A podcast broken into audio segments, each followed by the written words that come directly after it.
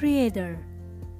Gak takut untuk melakukan sesuatu yang baru, bahkan yang semula ia tak tahu.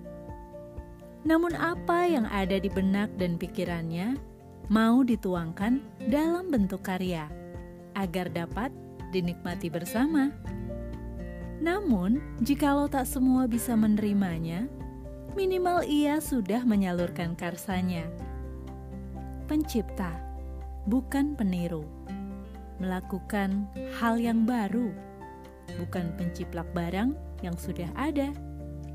Seorang pencipta bermodal keberanian dan keyakinan. Tanpa itu semua, ya jadi penonton aja.